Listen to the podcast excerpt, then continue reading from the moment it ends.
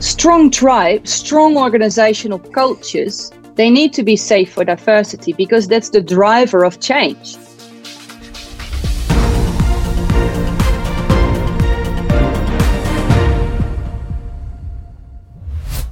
I'm so delighted to welcome you, Jitske Kramer. You will also be the keynote speaker at our event on the September the 29th, and we are looking forward to hear you at stage talking about working culture after Corona.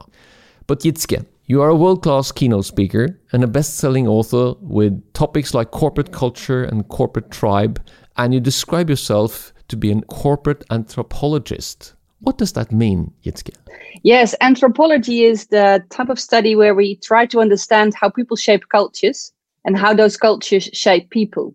And in also in business, this is a vital process because how do you create a culture in which, can, people can thrive and the clients are there and you have your products and all that. So uh, what I do, I apply the knowledge and skills of anthropology into the business world in organizations, and then I call myself a corporate anthropologist. When did that appear? Kind of thinking of it to be working with corporate, not with research and education and, and the things that anthropologists does. What is your journey it happened by accident. So i was actually i'm actually a theater anthropologist. So i i went to uganda for instance to study how we can use theater as educational means. And that's very closely linked to coaching training consulting just in a very different context. So when i got back home i started working for a uh, consultancy company and doing training courses.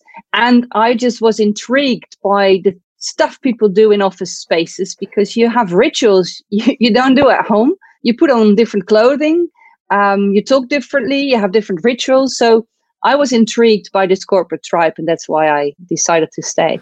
Exciting. And and when you says people shapes culture and culture shapes people, it's kind of a circular thing here. What can change this kind of circle? Well, if we understand the process in in which people shape those cultures, then you see that it will change constantly.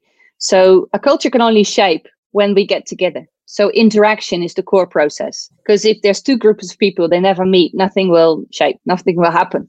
So once we start interacting, we share our thoughts because nothing has meaning of itself we have to create it together. So every behavior just is. And together we decide we think this is valuable and this is rubbish. We think this is important behavior and this is not. So we shape the culture together. And it's people use the interaction to get there.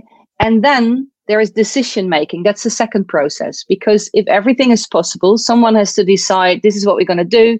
This is what we find uh, and also, this is what we're going to spend the money on, and this is how we create the world around us. So we solidify it in our buildings and structures and all that. Now, the thing is, we shape the world around us. We are creative beings. We group animals. We do that together. And at the same time, those groups, those cultures shape us because every thought you have in your mind about this is the way it should be, it's been put there by your peer group, by the ones who have influence on your pocket money, I tend to say, can be your salary, because that's how it's shaped because you get all the information. So we shape it together every day through every interaction and every decision. That, that's why it's changing all the time. It's not a static thing, it's flexible. And by living in a certain context, an organization or a region, your mind and your body and the way you look at things is shaped by your environment. This is also about awareness, is it? I mean, we kind of get some new ideas and then how to, I'm not, not, not know if this is the right word, it's to implement new ideas. Uh, and when you talk about organization, it doesn't have to come from the top management team, does it, to change the culture? No, no, usually it doesn't. It, it does help if they're supportive. Because if you think about how we shape it, it's interaction and decision making and the ones who can decide in the end what we'll do, they have a lot of power. And that's what we call definition power. The ones who can define how things go. But the power of numbers is huge. And, and the main thing is, is that in a group, a culture, we want things to, to be solid and we want routines because then we know what we can expect. That's what everyone know, wants. And at the same time, we want adventure we want things to go differently. We want creativity and innovation. And there's a tension between the two. So what you see in every group, there will be people with different views. Like that's the default. Diversity is what we have because the chances that everyone listening to this now is thinking the same thing is zero. So we know that we all have different views. The question is, which views do we allow to listen to and to enter our conversation? And if we allow them to be listened to, do we actually take them into account and maybe even have them have a say in the decision making process? And that's where how we deal with diversity and how inclusive our cultures are is, is very important in the levels of how we are effective in creating new ideas and be uh, flexible and, and agile and innovative. So when you're talking about diversity, it's it's actually every individual's thoughts and ideas. You yes. don't have to bring someone that is completely different in gender or in background and education. You, you kind of it's, have to. Well, it's a bit of both because if you realize that you're shaped by your environment, and if you hire someone who is shaped in a different environment, you get like as a present, you get different ideas. So yes, it's on an individual level, true. So we all have different thoughts and we are different on individual level, but on subgroup level, we're also different. So if you have a bunch of guys running something and they can be very, very different from each other, for sure. But they all share that that commonality of a certain gender view of the world and an experience and how people interact with them. So if you add some women to the mix, they bring something different because they experience the world from a different point of view. And and yes, we can think of that as well, but I will never be a man, you will never be a woman. Oh well, you can, but it takes it takes a lot of effort. But but we so we have these different views. So I can understand how my teenagers experience the world, and I can talk on them be, their behalf.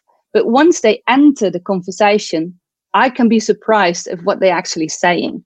So, yes, diversity is around ideas, but it's also about backgrounds. Great. And from next year, 2022, even though Norway is not part of the EU, we're supposed to report on this in the ESG kind of accountant system. So, diversity, guys, if you haven't read up on this, you should pay attention to it. And I'm looking forward to hear more about that. Yeah, I like to bring that to that's one more point I want to make because it has a social responsibility to it, for sure. It's the question can anyone who wants to join the workforce join it? So that's like a, we, we need to be open to every person.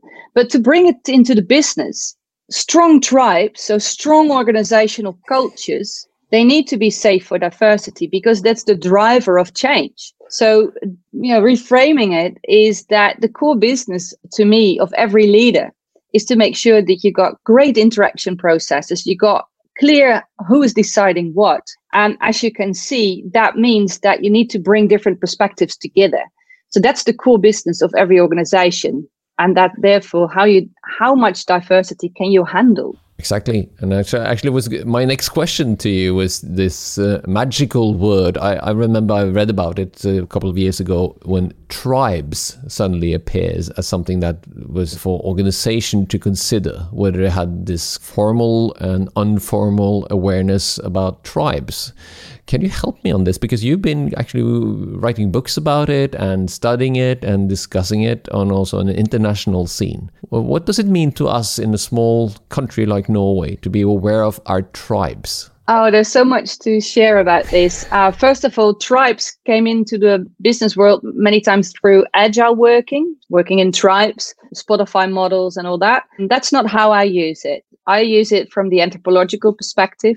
And in an international context, it does have some negative connotations because it's a misused word. Mm-hmm. For me, it's a very neutral word. Uh, it's it's like wolves; they live in packs, mm-hmm. and we live in tribes. We are tribal beings. We are group animals. So we are social beings, and we create groups. So when we do that, we have some, you could say, anthropological laws or how everyone everywhere in the world does it because we're Homo sapiens. So we tend to build tribes. Uh, and in a tribe, there is some sort of hierarchy because we need that. And every tribe, every group, so that can be a family or an organization, we have universal questions to answer because we're Homo sapiens. So every group needs to deal with this hierarchy, with the differences. We, we need to deal with time. We need to deal with the unexpected or how to be efficient. Those are universal questions, and every group finds unique answers And those unique answers, they form the group culture, which then I tend to call a tribe. So when you work with this on corporations and for for uh, business leaders that have heard this word but hasn't actually discovered his or her tribe at the office, where do you start? You talk with them. no, scary. It's, a scary thing, and, and talking means uh, I, I actually should say you listen to them. So, so a tribe is a living organism. So when you enter the workforce, you come as a human being. And we tend to say let's be people centered you know invite the whole system in the room uh, be who you are and all those kind of things. So you are a person and persons tend to have emotions and some share them some not. Some are more quiet depending on your family culture your region corporate culture what is expected of you but you do have them. That's universal so you have thoughts and ideas and feelings about your job and you live a storyline because if we think that nothing has meaning of itself, we need to believe in something. And that's why in organizations, the why or the mission, the vision, the strategy, all those words, they, they are so important. But if we rephrase that into storytelling, we tell each other the story that this is what the client needs. And this is what we tell the client.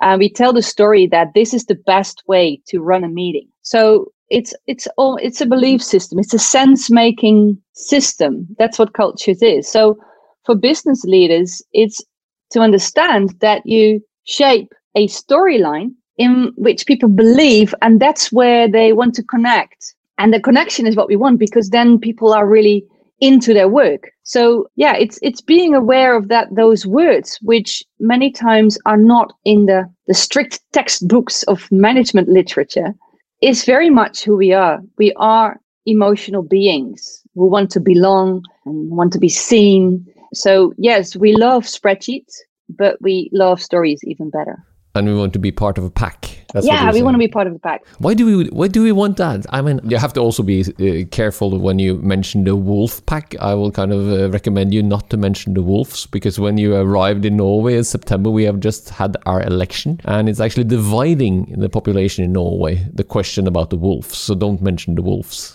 Okay, I won't mention the wolves. I, but I it's a great example. Animal. yes, do that. but why do you? Why do we want? I mean, you can if you build a career and you have some knowledge and you from time to time want to kind of discover things. And I, I, I for sure would anticipate that the anthropology is quite lonely work because you're supposed to observe and reflect and make some kind of uh, assumptions. Am i right? So why do we want to be part of these packs? Because otherwise we die. That's terrible.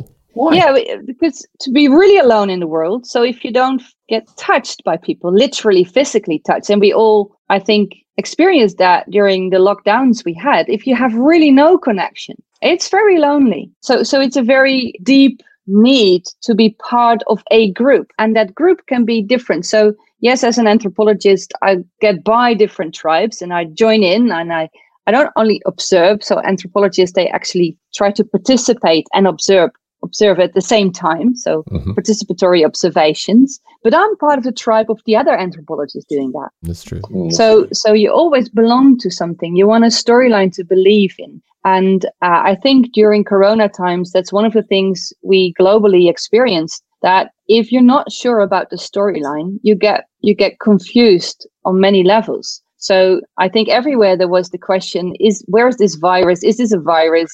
Uh, does it work when we go into quarantine? Um, uh, should we, you know, touch or not touch? And so, what are the best ways of dealing with that? And then, because the story is unclear, people start creating their own stories. So you got the conspiracy theories, and you've got politicians who take the lead because we. That's the thing. We we the storytelling beings. We want to understand what the structure in the world is and what makes sense. And we, we love to be with the people who believe in the same type of stories and create the same type of sense of the world. So yes, we just want to belong. And for some that, you know, it shows up in very technical words, or if you're an accountant, it will be a different tribe than if you're a musician and, and everything in between. But even then you, you share a language and the language can be different, but there is a common language with people in finance. And that's why sometimes they have a hard time to talk with people in research and development. because mm. it's almost like this clash of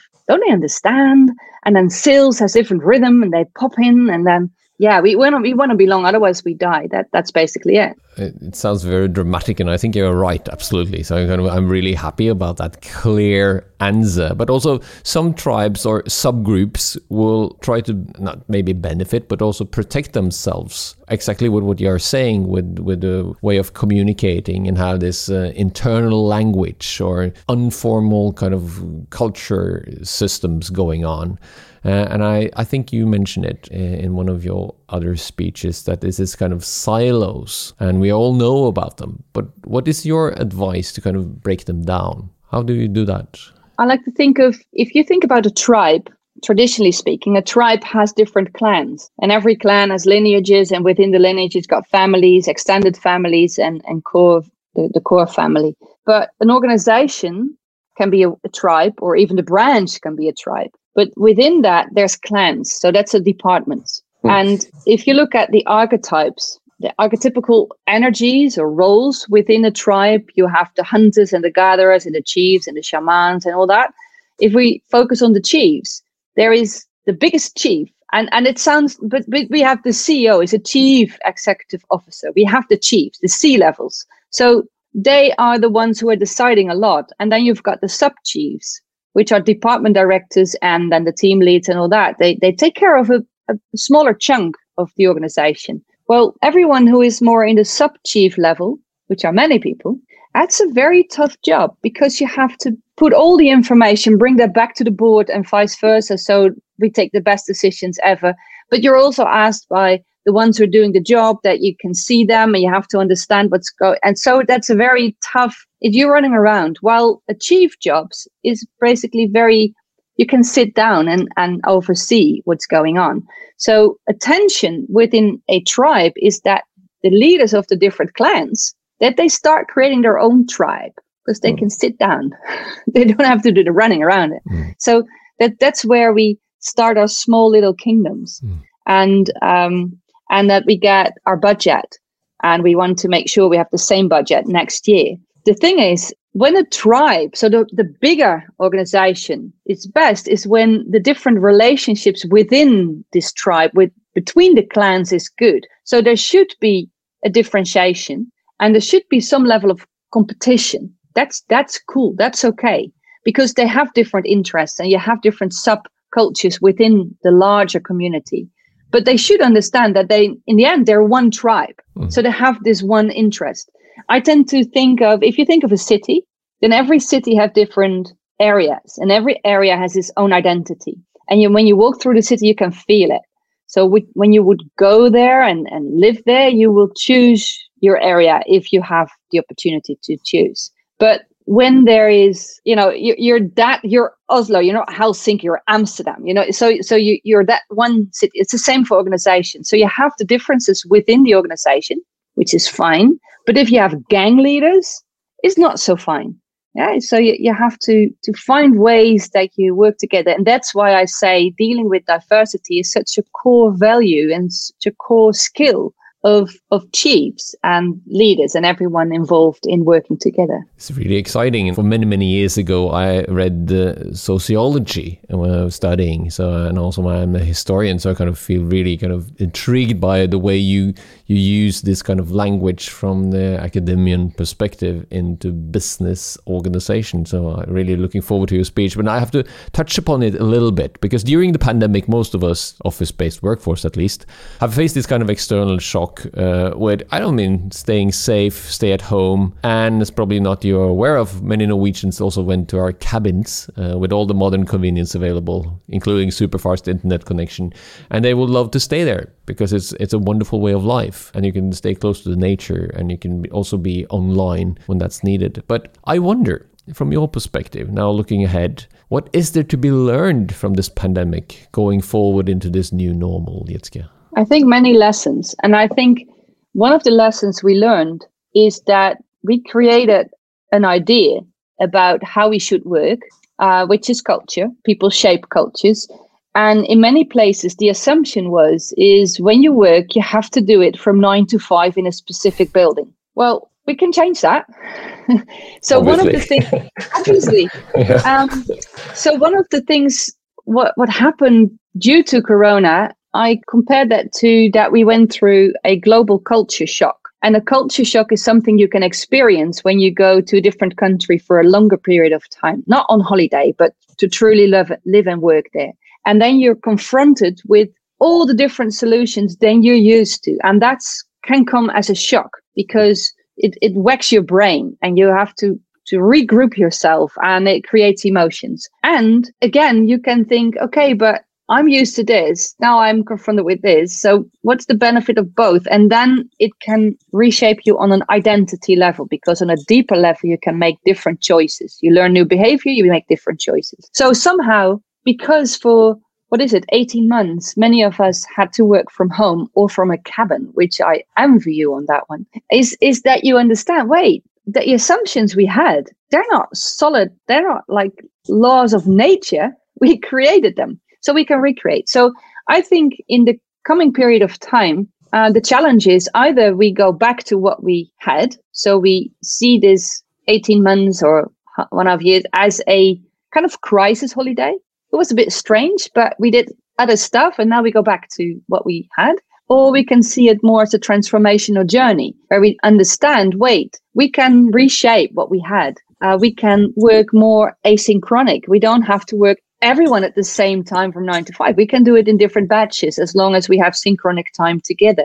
We can work from different locations. Plus what we need to be very aware of is that some people did not experience working from home. So when I talk with organizations here in the Netherlands, although we don't have cabins, we do have gardens. Some people are lucky, some have not. But I, I talk with people and they say, well, I spend a year, you know, in my own kitchen and I only saw one person a day because I was too scared to go on the streets. And I have a bit of social anxiety to join again. And then an hour later, when I talked to someone else in a different company, they said, well, we kind of put our lives in danger every day to make sure that this generation get some kind of education.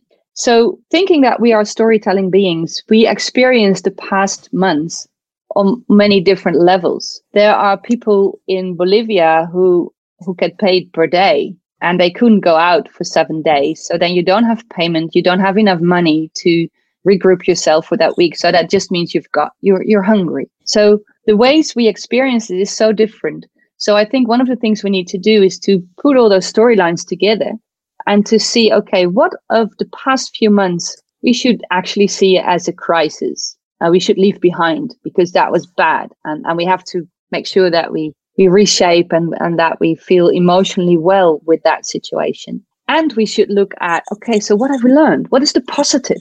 And how can we change that? So I think we're moving towards hybrid working. And in the talk, I'll, I'll dive more into that, what that means from the anthropological point of view. How do you take, how do you keep connections at a distance? How do you reshape your organization, restructure it? Is a design question. How do you design cooperation and leadership when we work from a distance? We can learn a lot from nomadic tribes because they've done that for years. So we know kind of how to do that as human beings. We just need to restructure what we were used to in the past. And we will. I'm, I'm really looking forward to your speech at Oslo Business Forum on September 29th and learn more about uh, tribes and how to organize ourselves now into this new normal. And I love your perspective on that we are, have to kind of put our storylines together and we are storytelling beings and we will not die from being alone because actually we are more connected now than we ever were. And i think we are longing to meet and greet and discuss and also disagree. So thank you for sharing your thoughts on this podcast and welcome to oslo in september Jitske. thank you. Looking very very much forward